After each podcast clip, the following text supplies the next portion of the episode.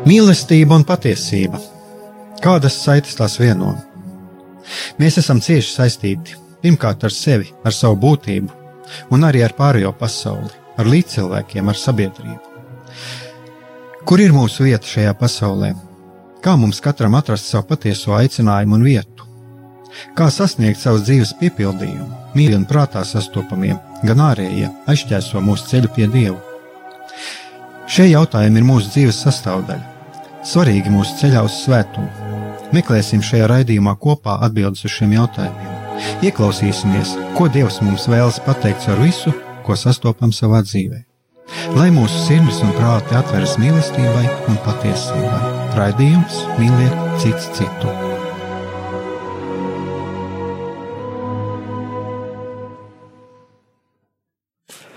Lai top slavēts Jēzus Kristus, esiet sveicināti, dārgie radioklausītāji un radioklausītājas. Šis ir atkal raidījums Mīliet cits citu studijā. Esmu Aigārs Brikmanis un mūsu viesis atkal šodien ir Jānis Jākopsons, un mēs runāsim, turpināsim sarunu par tiem psiholoģiskajiem un arī garīgajām lietām, kas ietekmē mūsu dzīvi par to, kas mums var traucēt, kas mums var palīdzēt, un, un patiesībā arī kā mums savā dzīvē satikt Dievu. Jo, nu, es atkal vēlos atgādināt, ka patiesībā tas, cik mēs arī psiholoģiski, eh, ja tā var teikt, veselīgi izdzīvojam savu, savu dzīvi, savu ikdienu, tad arī mēs varam vieglāk, vieglāk ieraudzīt, eh, saredzēt, sajūst savā dzīvē Dievu.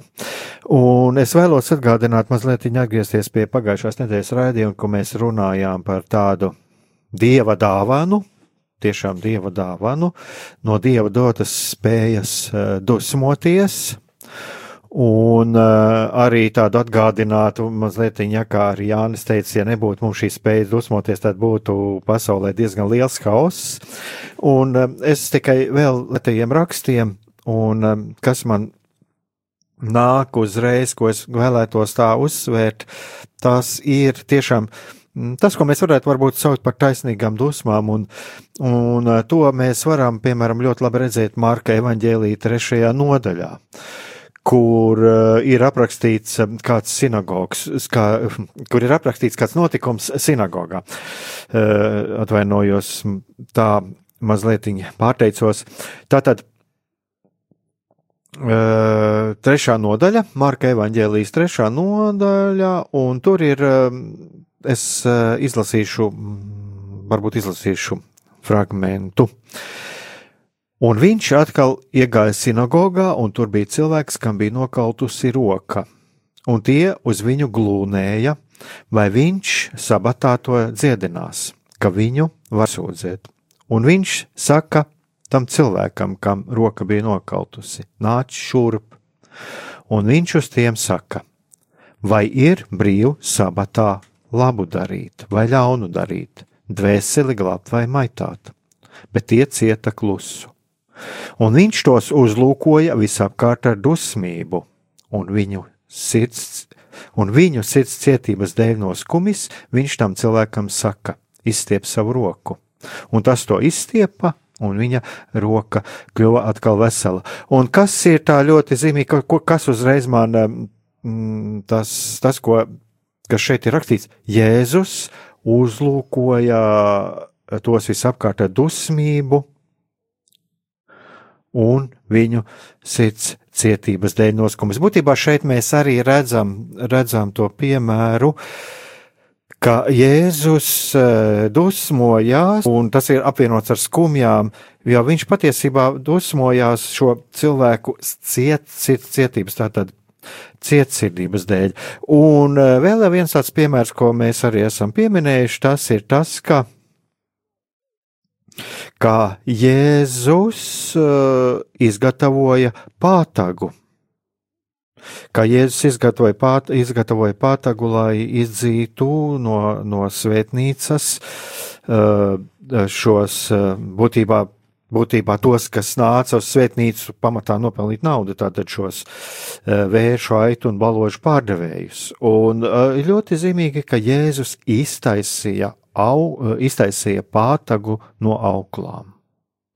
Tā tad atkal mm, būtībā arī seko rīcība. Un katoļu baznīcas katehismā mēs arī varam izlasīt, piemēram, to, jā, turpat ir dusmas, ir mazliet tā kā parādīts tāda, kā tāda negatīva lieta, bet uh, tur, tur ir arī šis skaidrojums, kur mēs varam saprast, ka turēšanās pie šīm dusmām turēšanās pie šīm dusmām, un savā ziņā mēs varētu pat teikt tāda dusmu audzēšana sevi, tas noved pie ļaunuma. E, man tāds mazliet tāds paliels ievads bija, bet kā man Jānis teica, lai es varu, varu varbūt tā arī pateikt mazliet no sākuma kaut ko no savas puses, e, bet ko es tikai gribu tā uzsvērt, ja, un ko es esmu vairākas reizes arī teicis, ka mums ir kristiešiem bieži vien ir arī mazliet jāieskatās gan svētajos rakstos vairāk, gan arī jāpameklē katehismā, no ko tad galu galā arī mūsu mūsu pašu baznīca un patiesībā, ko kristīgā tradīcija māca, un galu galā, kā tad rīkojās pats Jēzus. Jā, svētajos rakstos uh, ir uh, daudz šo te tā, teiksim, nav varbūt tik, tik uh, populāras, vai arī kuras mēs tā ikdienā būtu neesam pieraduši dzirdēt, bet, uh, ja lasītu visu to svēto rakstu kopumu, un arī baznīcas tradīciju, tad tur var atrast tādu labu balansu starp to, ka nu, visām lietām ir vajadzīgs kaut kāds tāds mm, veselīgais balans, ka cilvēks nevar visu laiku priecāties, tāpat viņš nevar visu laiku skumt, ir jābūt šim te tādam sinhronam balansam. Nu jā, un patiesībā te mēs varbūt varam arī vilkt tādu paralēli, paralēli ar uh, garīgās atstātības un garīgā mierinājuma laiku, šo miedarbību, tas ir tieši tā ignāciskajā garīgumā pazīstami, ja? un, um, un kādreiz arī ir vajadzīgi cilvēkam uh, palīdzēt saprast, kad šie mirkļi, kad viņš jūt, jūt šo garīgo atstātību, piemēram, ka tas nav nekas tāds uz visiem laikiem, lai tas dot viņam prieku cerību. Jā, es tev piekrītu par garīgo atstātību, un šeit ir tāds svarīgs moments, ko es vēlos minēt, kā pirms kāda laika arī bija tāda seminārs, konference rīkota, neatceros, kas tieši bija iniciators, bet tur bija iesaistīti, man liekas, katoļu teologi un daži garīdznieki par garīgo atstātību, depresiju, šizofrēniju, kaut kā tā apmēram tas seminārs. Ja nemaldos, tas vai nebija Rārzī kāds seminārs, kas tika. Jā, varētu tā būt. Jā, un tad tur arī apskatīja to, to momentu par to garīgo atstātību. Es gan nebiju uz to semināru, bet tas, ko es eh, vēlos minēt, tāds moments, uh, ka ir šie divi tādi gadījumi, kur viens ir tiešām dara, protams, ar savu konkrētu nodomu, jo viņš grib uh, dvēselē audzināt muskuļus, jā, lai dvēsele mūsu gars kļūst uh, stiprāks, un caur šo te pieredzi mēs uh, vairāk tojamies Dievam. Un parasti tad Dievs viņš arī, nu, dod kaut kādus tādus garīgus impulsus, kur cilvēks var noprast, ka uh, ar viņu notiek tā garīgā nakts. Bet cits moments ir, kad cilvēkam ir depresija, vai viņam ir pat tāda apslēpta depresija, kuru viņš varbūt pat īsti nesaprot, bet viņš tā kā ir tanī stāvoklī ikdienā, un viņš ir savā ziņā, nu, varētu teikt tā psiholoģiski, varbūt pat garīgi iemidzis, un viņš neapzinās, ka viņam ir nevis šī te garīgā atstātība, bet ka viņam ir tāda paslēpusies depresija. Uh, un cilvēks var to nodēvēt par šo te garīgo atstātību, un beig beigās nonāk pie tā, ka Dievs viņu ir atstājis, Dievs viņu nemīl, un, un kāda vispār viņam ir jēga būt.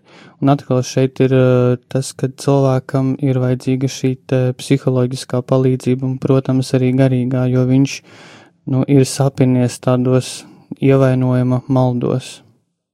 Jā, nu tā tad mēs varam teikt tā, ka šeit ir vajadzīgs, eh, ir svarīgi eh, atšķirt, prast, eh, nu, jā, palīdzēt izšķirt, kas varbūt nav uzreiz tā, uzreiz tā saprotams, bet izšķirt, vai tā ir garīga atstātība, vai tā ir, teiksim, piemēram, depresija, lai, lai neiznāktu tā, ka tā darbība, ko arī mēs palīdzot cilvēkam, viņa pat reizēm var nodarīt ja neteiksim, nodarīt ļaunu, tad, tad nu, vismaz cilvēkam mēs nekādīgi nevaram palīdzēt īsti, ja mēs neatpazīstam, kas tur īsti ir apakšā. Kādā stāvoklī esošam cilvēkam mēs iesakam uh, vēl vairāk gavēt vai doties kaut kādā tādā lūkšanu ceļojumā, vai viņam ir jādodas svētceļojumā, vai jāizdara vēl nezinu ko, tad, uh, nu, tas ir jau tāds principā, uh, cilvēks, principā, viņš sev nodara tādu garīgu un psiholoģisku mazihismu,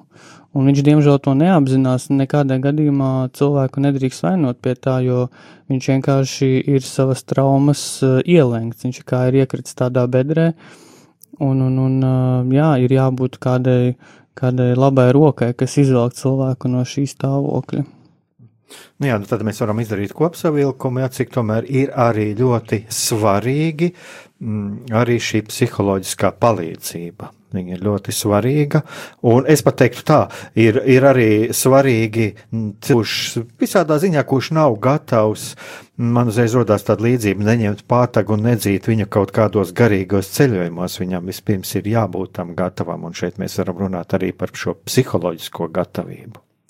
Jā, un arī man pavisam nesen ar dažiem brāļiem un māsām izveidojās tāds, tāda diskusija, dialogs, kur mēs apspriedām dažādus tādus varbūt neordinārus gadījumus tieši garīgajā dzīvē.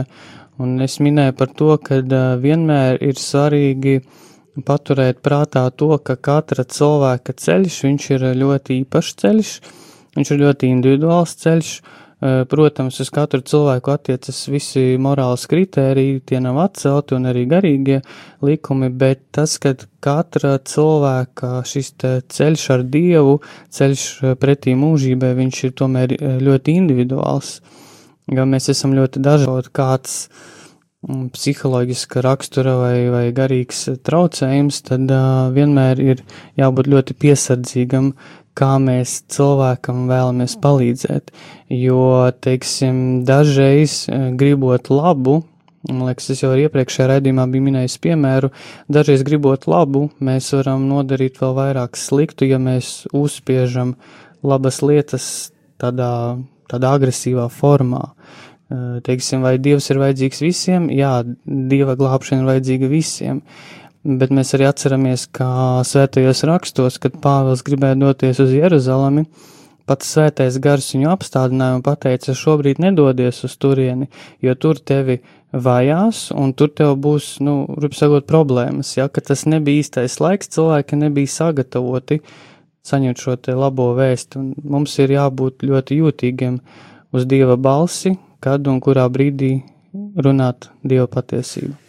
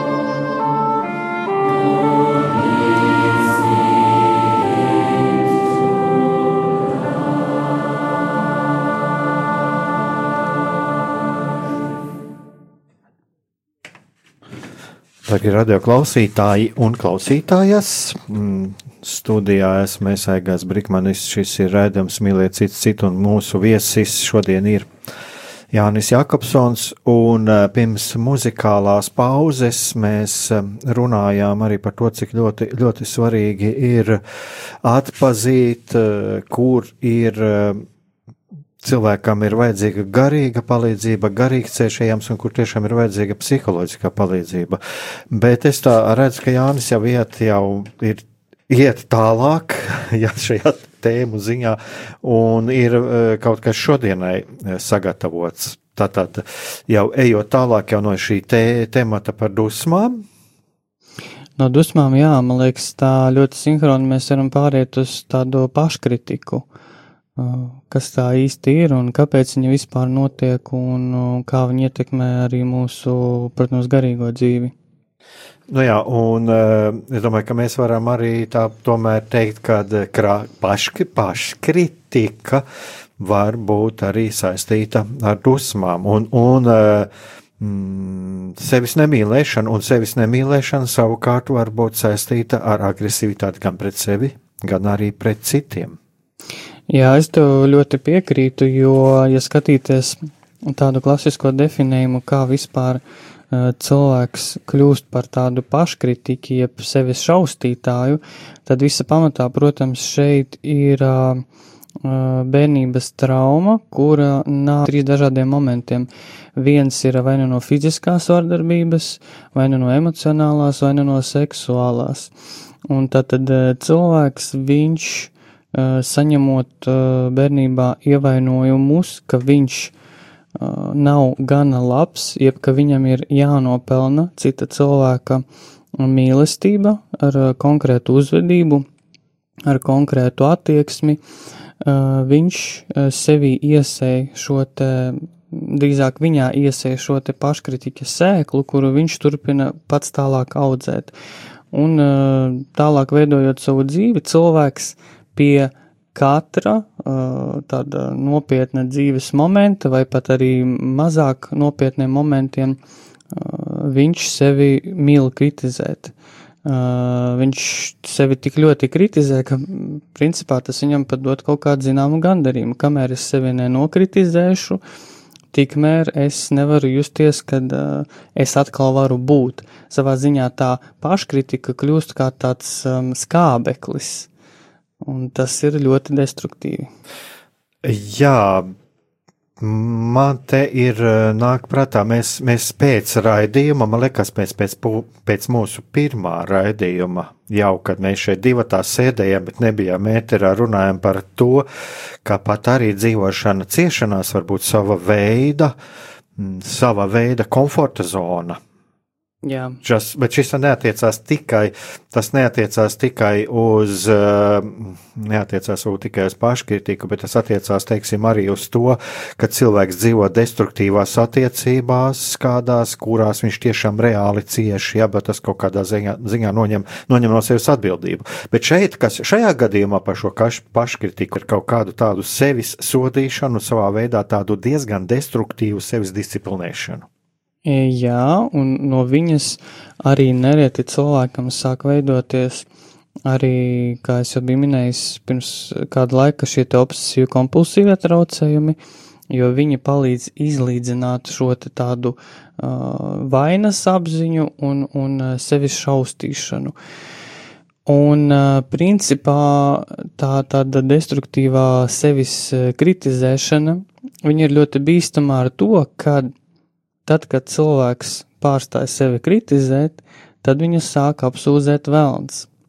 Un viņš to nevar izšķirt, kur ir vēlns un kur ir viņš, un tad, uh, principā, tā kā cilvēks, cilvēkam liekas, ka viņš atkal ir kaut ko nodarījis, ka viņš atkal nav gana labs, un tad viņš paklausa šiem te ļaunā gara meliem, un tad aiziet vēl dziļākā tādā sevi šaustīšanā. Un eh, šeit ir ļoti svarīgs moments eh, tāds, kad eh, kāpēc tā vispār notiek, nu tāds arī klasisks piemērs, tātad mums ir vecāki tēvs un mamma, un kad mēs uzaugam, mēs skatāmies uz mūsu vecākiem, un uh, mēs iemācāmies veidu, kā mēs varam saņemt viņu uzmanību. Kāpēc uh, nereti cilvēks saslimst ar uh, kaut kādiem psiholoģiskiem traucējumiem un dodas savos simptomos tikai tāpēc, uh, ka viņš grib kļūt šis te tāds slimības upuris un ar šo te slimību pievērst citu cilvēku uzmanību. Uh, bet viņš to neapzinās. Ir cilvēki, kuriem patīk uh, burtiski saslimt un mājās pagulēt to laiku, atpūsties, jo tāda veida bērns iemācās pievērst vecāku uzmanību ar to, ka viņš uh, grib saslims, saslimt. Un uh, bērns viņš ļoti vēro, kas ir, uh, teiksim, tēva un mammas tāda savstarpējā mīlestības valoda. Ja bērns ierauga to, ka, lai mamma uzslavētu tēti, tētim ir nepieciešams ļoti daudz strādāt, tad bērns iemācās to, ka viņam arī ir ļoti nepieciešams daudz strādāt, lai saņemtu vecāku uzmanību. Un uh, no šejienes rodas uh, darba holisms. Tad cilvēks izaug un viņš uh, tik ļoti ir ieraudzis darbos, nereti šādiem cilvēkiem viņiem arī ir ļoti ātrs mm, runas veids, viņi ļoti, ļoti ātri runā, viņi nevar apstāties, viņi ļoti ātri dara lietas, pēc tāpēc, ka viņos jau ir šis te tāds ieprogrammēts tāds, tāds formāts, ka man ir jābūt ļoti produktīvam, ļoti ātram un jāizdara visu augstākajā līmenī. Tikai tad es varu būt citu novērtēts un būt labs. Un ja es to neizdaru, tad sākas tāda sevis kritizēšana. Jeb, e, jeb arī cits scenārijs. Ja bērns, viņš, um, teiksim tā, ja viņš uh, nepiepilda vecāku kaut kādu sapni, teiksim, vecāki ir gribējuši, lai bērns kļūst tur mākslinieks vai sportists, un viņam tas nav sanācis, tad uh, viņš sevi ļoti šausta par to. Un uh, Principā, ja bērnībā tika ļoti uzspiests kaut kāds pulciņš vai sporta veids, un bērns tam ir ļoti, tiksim, devies tajā sportā, un tālāk viņam nekas nav iznācis, tad uh, viņš var vispār uz vecākus, un caur šo arī šaustīt sevi, neizdarot citas lietas, kuras viņam ir ikdienā jādara. Jā, nu šeit es. Uh mazliet to arī pieminēju šo vēlmu, un, un es šādās situācijās runāju par to, ka uh, var gadīties, ka cilvēks uh, dzīvodams šādā situācijā un to nerisinādams, viņā sāk runāt tiesātāja gars, ja, kas viņu tiesā. Un kas beigu beigās aiziet pie tā, ka cilvēks sāk, sāk zaudēt ticību tam, ka Dievs viņu mīl, Un, un būtībā viņš atsakās no dieva, un būtībā vēlns ir tas, kurš tādā brīdī viņu vēda pretim šim grēka stāvoklim. Jā, un var pat uztaisīt tādu, katrs no mums var uztaisīt tādu sevis diagnosticēšanu, kas tad tā ir par balsi, vadoties pēc tādiem kritērijiem, ka Bībelē rakstīts atklāsmes grāmatā, ka Velns, viņš apsūdzēja Dieva izredzētos dienu un nakti, dienu un nakti, ja, kad vēlns viņš nemitīgi mūs apsūdz. Un otrs ir pavērot, eh, kā es pret sevi attiecos tad, kad es neizdaru kādu no saviem pienākumiem. Un šeit tad arī var ļoti labi saprast, eh, cik es ļoti esmu eh, pret sevi kritisks vai neesmu. Vispār man liekas, ka nu, mums kā latviešiem ir ļoti tāda uh, tradicionāli šī te tendence, ka mums patīk sevi kritizēt, patīk sevi šaustīt, un ka mēs e, tik ļoti sevi kritizējam, kā teica viens psihologs, ka nu, mēs nemaz nemākam sevi uzslavēt. Mēs tik ļoti esam iemīlējuši šo dzīvesveidu, ka citādāk mēs neredzam, kā vispār būt. Jā, Te atkal es mazliet arī gribu runāt, ļoti svarīgi tomēr jā, atšķirt, es varētu pat atteikt, veselīga paškritika, ir, tā ir ļoti laba lieta, bet šeit mēs runājam par citu lietu, mēs runājam par, par tiesāšanu. Jo mēs redzam arī to, kad, ko arī māca, māca baznīca kopumā. Mēs jau redzam to, ka tā tiesāšana tā jau, nu, lai paliek dieva ziņā. Ir ļoti labi, ka es objektīvi redzu savas kļūdas, bet tanī pašā laikā es nezaudēju mīlestību pret sevi, pazemībā atzīt šīs savas kļūdas un, un iet tālāk. Jā, tas ir ļoti svarīgs moments, ko tu mini, iet tālāk. Tas ir arī tas, ko bieži pāvests Francisks uh, min savos uh, vārdos, ka doties tālāk, um, aizmirst par to, kas ir bijis, tas jau ir pagātnē, Dievs to ir paņēmis prom un skat priekšu. Arī Jēzus bieži uzsvēra, kad viņš piedeva grēkus, ka ej un vairs negrēko, jā, un viņš neatgriezās vairāk pie tās sarunas. Un uh, arī šeit ir svarīgs tas moments, ka um, no manas tīri tādas pieredzes, kā sevis šaustīšana, viņa ir tāda kā apburtais sloks, un uh, no viņas ir ļoti grūti izrauties. Bet kas man personīgi ir palīdzējis, ir tas, ka uh, es redzu situāciju, jā, iespējams, es izdarīju kļūdu, iespējams, es sagrēkoju, es to atzīstu, es uh, pasaku cilvēkiem, uh, palūdzu piedošanu, ka man ir jāpalūdz, es izrunāju to ar garīdznieku vai ar psihologu, un tālāk es vairs neanalizēju tās lietas, bet es pieņemu praktiskas rīcības, kā mainīt savu situāciju. Nevis ar domām, es turpinu domāt, es darīju, un tas ir vislabākais, manuprāt, tāds nu, vismaz visiedarbīgākais, ko es esmu savā dzīvē provējis, kad nevis turpināt analizēt, kā man labāk rīkoties, bet iet un darīt iet un darīt, paļaujoties uz savu intuīciju, uz, uz dieva balsi un tad skatīties, kā lietas būs, bet vairāk neatgriezties pie sevis šaustīšanas. Nu, ir jau arī patiesībā mēs jau arī nemaz nevaram tā uz priekšu visu tā paredzēt, un man liekas viena no tādām problēmām, ko es esmu arī lasījis, esmu lasījis arī psiholoģijas literatūrā, ka bieži vien cilvēki apstājas tāpēc, ka viņiem ir tik daudz nezināmā, ka viņiem bail spēt soli uz priekšu, ja viņi vienkārši nespēja visu izanalizēt.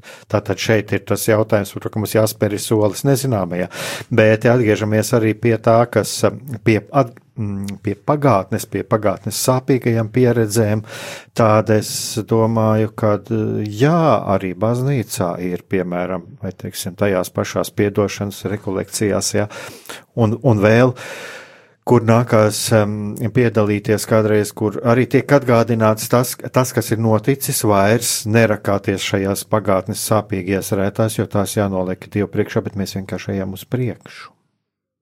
Jā, mēs ejam uz priekšu, un tādā veidā mēs arī sevi pasargājam no šiem te uh, vēlna uzbrukumiem, jo vēlns viņš jau mūs pazīst uh, no A līdz Z, viņš mūs zina tā kā savu ābeci, viņš zina mūsu vājās vietas, un ja mēs sevi nepazīstam, ja mēs nespējam uh, pamanīt tos brīžus, kad mēs esam pret sevi kritiski, tad viņam atliek uzspiest tādu kā podziņu, un viņš zina, ka tas mehānisms aizies. Un tālāk viņš var pat atpūsties tā kā uz lauriem, jā, vienkārši tur atpūsties un, un skatīties, kā mēs paši sevi šaustam, viņam nav neko jā.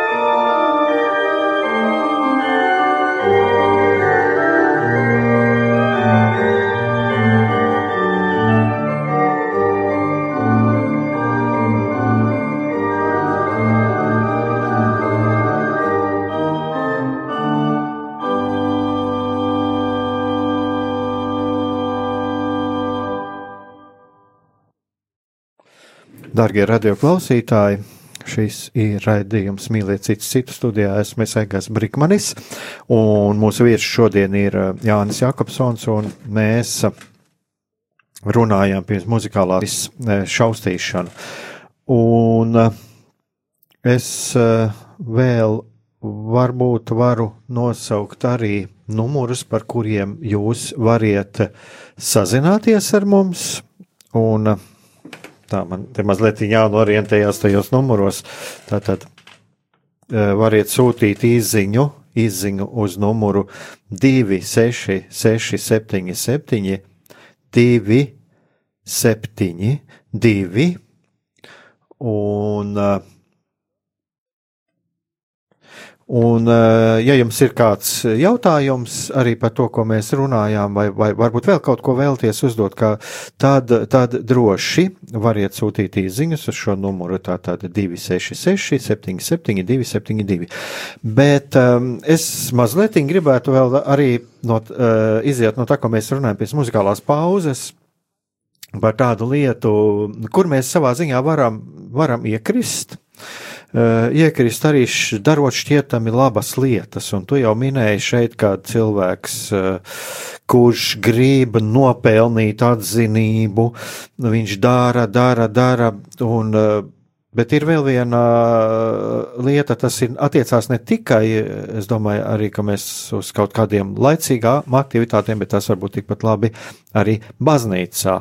Un es atceros vienu tādu piemēru, tas jau ir jau būs pagājuši jau divi gadi. Uh, man arī bija tā žēlastība būt vienā garīgo pavadītāju seminārā pie brāļiem un pie brāļiem luterāņiem, tur bija gan brāļi un māsas, un mēs bijām divi pārstāvi no katoļiem.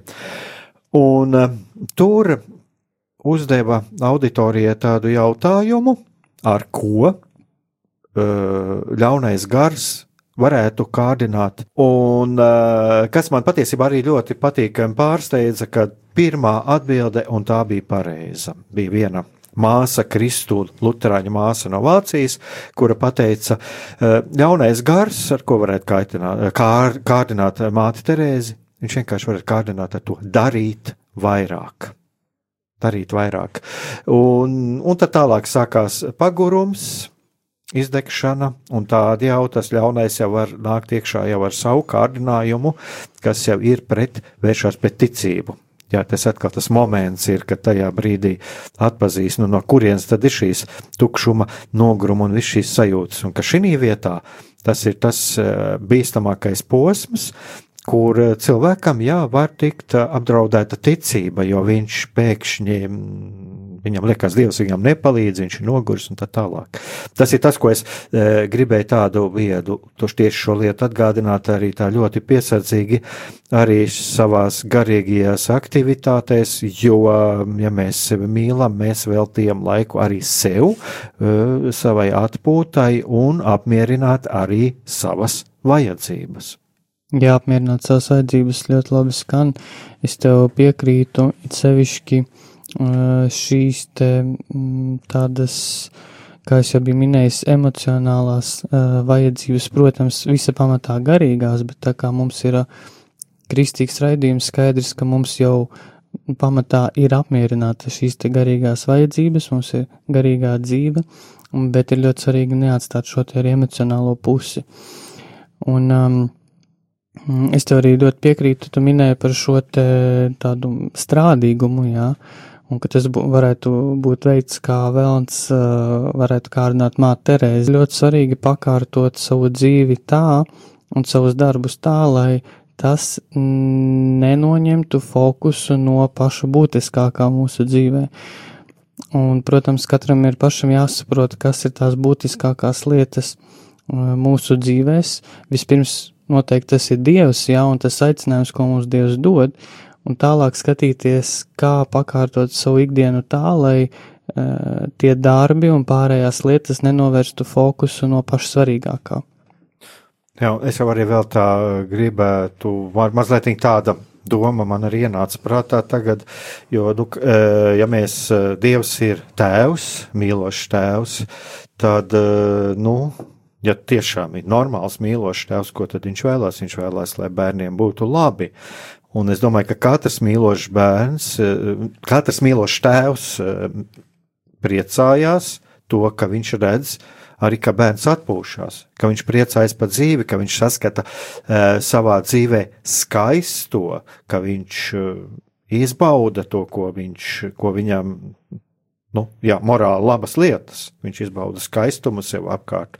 Galu galā viņš izbauda arī garšas, labi pēdot. E, interesanti, ka Pāvests Francisks bieži vien uzrunāja cilvēkiem novēl labu apetīti. Un, un, un tas, tas arī patiesībā ir ļoti svarīgi no tām labajām lietām, no tām labajām baudām, e, kas e, mums e, nāk par labu nu, neatteikties, un viena no tām ir arī atpūta. Nu, mēs varētu par daudz par to arī runāt, cik ļoti svarīgi ir mums šim veltīt laiku, jā, bet eh, tā mēs, eh, tā, eh, ko es gribu ar to uzsvērt, es gribu uzsvērt ar to, ka mūsu garīgajai dzīve saskaņā arī ar tām labajām patiesajām mūsu vajadzībām, ja, kuras arī Dievs vēlētos, lai kā mīlošs tēvs, lai mēs arī realizētu. Jā, un ja mēs paskatāmies uz dažiem evaņģēlija fragmentiem, pirmais, ko arī mēs rožu kronī lūdzam gaismas noslēpumā, ka Jēzus atnāca uz kāzām. Un, ja mēs ierakstītu Google vai, vai YouTube, kādas ir ebreju kāzas, tad mēs redzētu, ka tur notiek tādi danči, ja, ka, nu, man liekas, pat tādi latgalē nevarētu būt. Uh, Un tas nozīmē, ka Jēzus gāja uz kāzām, viņš arī dejoja, viņš priecājās. Viņš priecājās to, ka viņš var būt virs šīs zemes un redzēt tēva skaistīto, skaisto radību. Tāpat arī mēs, mēs varam atturot savas acis, baudīt, cik brīnišķīgi Dievs ir radījis saulietu un priecāties par šo dienu. Un uh, vēl arī svarīgs moments, kur Jēzus min, uh, par pazudušo dēlu, nepavelti viņš ņem šo te tādu metaforu, šo te tādu stāstu, kur viņš saka, ka uh, sagatavojiet treknākos teļus manam dēlam, uzlieciet viņam gredzenu pirkstā, uzli, uh, apaviet viņam jaunus apavus, ja, ka Jēzus viņš arī izceļ šo te, protams, tur ir garīga nozīme tai, tai, tam aprakstam, ko Jēzus runā, bet uh, viņš lieto šo, šos te fiziskos tēlus. Un es eh, ļoti vēlējos citēt, eh, šodien vēl runājot par šo te mm, iekšējo kritiķi, ka no iekšējā kritika ir ļoti liela bīstamība mm, kļūt par tādu, nu, principā, sevis mazohistu un būt pret sevi ļoti rupjam. Un Marks Jermaks savā blogā par mazohismu raksta, es eh, citēšu viņu, um, Iespējams, kādam tas izklausīsies neticami, bet mazahists ciešanās jūtas pietiekoši droši, jo neko citu viņš pēc būtības nepazīst. Tiesa, dziļi sirdī viņš ir pārliecināts, ka par ciešanām viņu sagaida atbilstošs atalgojums. Ievērojiet, cik ļoti mazahista iekšējās nostādnes sader ar greizi izprastu kristietības versiju, kas dievina ciešanas, apgalvojot, ka tās vienmēr pietuvina mūsu dievam un kas neapšaubāmi tiks atalgotas debesīs.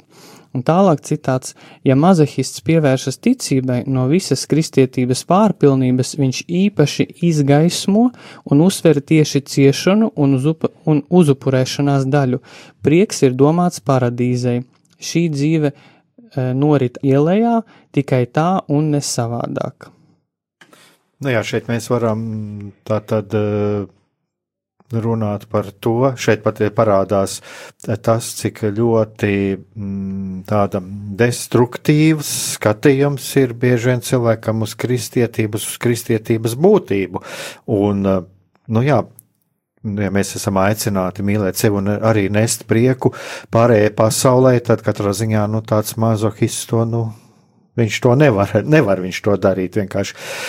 E, bet man man ir priekšā Bībele, man šeit ir katehisms un, un arī par sevis mīlēšanu, par sevis mīlestību, piemēram, katehismā 2264. Eh, pāns, kur, kur uh, tiek rakstīts, sevis paša mīlestība joprojām paliek morāliskuma pamatprincips. Šeit tiek runāts par tiesībām sevi aizstāvēt līdz pat ieroča lietošanai. Visa paša mīlestība joprojām paliek morāliskuma pamatprincips, un tas ir, es, es atgādināšu, tas ir katoļu baznīcas katehisms, 556. Eh, lapas puse man šeit priekšā 2264. pāns, Jā, tātad šeit tiek runāts par pamatprincipu, un es eh, ceru, ka mums varbūt arī izdosies kaut kad nākamajā raidījumā to izrunāt, jo mūsu raidījums, diemžēl, atkal nāk uz beigām, un es varbūt iedošu arī te mm, Jānim. Mums šeit ir arī atnākušas divas izziņas, es skatos. Mm, jā. Tā, un eh, jautājums ir. Um. Jautājums uh, domāts man personīgi, laikam uz to es tad uh, pēc ētera atbildēšu. Uh, bet jā, paldies. Mm -hmm, jā. paldies par jautājumiem iesūtītajiem. Tad, tā, tad, tā tad ir jautājumi, bet tas ir personīgi, jā? Ja? Jā, tas, tas jā, un tad ir paldies no Rītas, es skatos. E, jā, un e, pateicība par šo raidījumu ciklu, ka ļoti noderīgi. Bet, ja ir personīgi, tad jau Jānim personīgi, tad ir iespēja jums būs sazināties ar, un tad, jā. Jā, jā, tas, jā, var sazināties personīgi ar mani. Mm -hmm. Labi, man nav jānosauc nekādu numuru, nekas à, jūs sazināsiet. Jā, es, jā, jūs varat nosaukt. Pagaid, pagaid, paga, bet, bet tu, es domāju, ka tu labāk zinās, jo man tava numura nekāda šeit priekšā nav.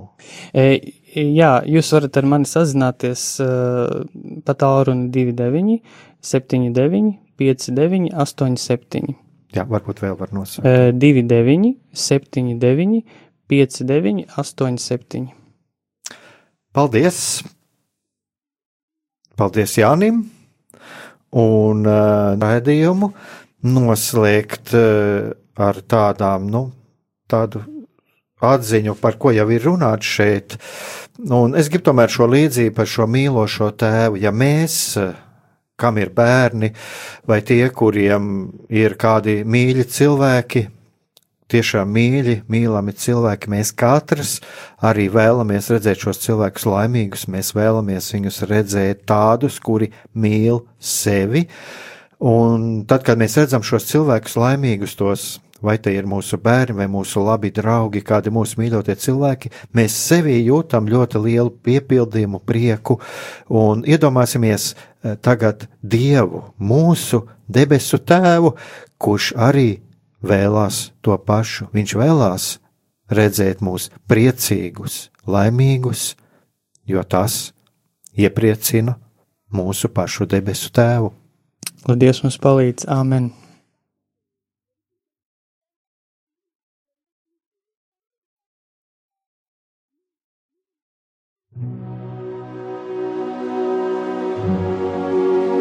Mīlestība un patiesība. Kādas saites tās vieno? Mēs esam cieši saistīti pirmkārt ar sevi, ar savu būtību, un arī ar pārējo pasauli, ar līdzcilvēkiem, ar sabiedrību. Kur ir mūsu vieta šajā pasaulē? Kā mums katram atrast savu patieso aicinājumu un vietu? Kā sasniegt savas dzīves piepildījumu, mīlestību? Kādi šķēršļi gan mūsu sirdī un prātā sastopamie, gan ārējie aizķēso mūsu ceļu pie Dieva? Šie jautājumi ir mūsu dzīves sastāvdaļa svarīgi mūsu ceļā uz svētumu. Meklēsim šajā raidījumā kopā atbildes uz šiem jautājumiem. Ieklausīsimies, ko Dievs mums vēlas pateikt ar visu, ko sastopam stībai un patiesībai. Raidījums mīliet cits citu.